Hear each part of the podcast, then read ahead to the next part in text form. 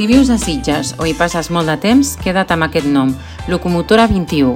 Locomotora 21 és una associació sense ànim de lucre que treballa per la salut mental. Els seus membres es troben cada tarda de dimecres al Retiro des de 2016 i és un espai de trobada i diàleg per parlar principalment de salut mental i compartir experiències, però està oberta a tractar molts altres temes. Són uns 15 membres actius capitanejats per la sitgetana Esther Carbonell. Una servidora va ser en una de les seves sessions per compartir la seva experiència amb la Covid persistent i la pandèmia.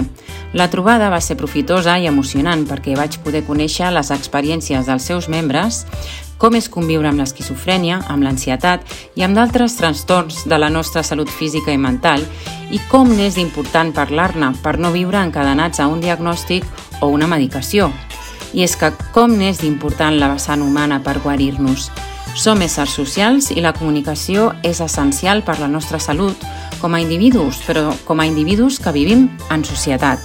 Per tot això, Locomotora 21 també ha organitzat un cicle del que ha anomenat Agores Errants, és a dir, espais de reflexió, diàleg i trobada a peu de carrer, com ho feien els nostres avantpassats grecs. La propera serà el dissabte 4 de juny a dos quarts de 12 del matí a la plaça de l'Ajuntament de Sitges i s'abordarà el tema de la gent gran i els seus drets.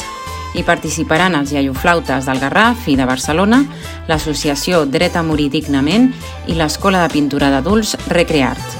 No cal dir que és una àgora oberta a la participació de tothom sense cap mena de restricció d'edat, gènere o condició. I quedeu tots convocats. Ràdio Maricel, 107.8 FM.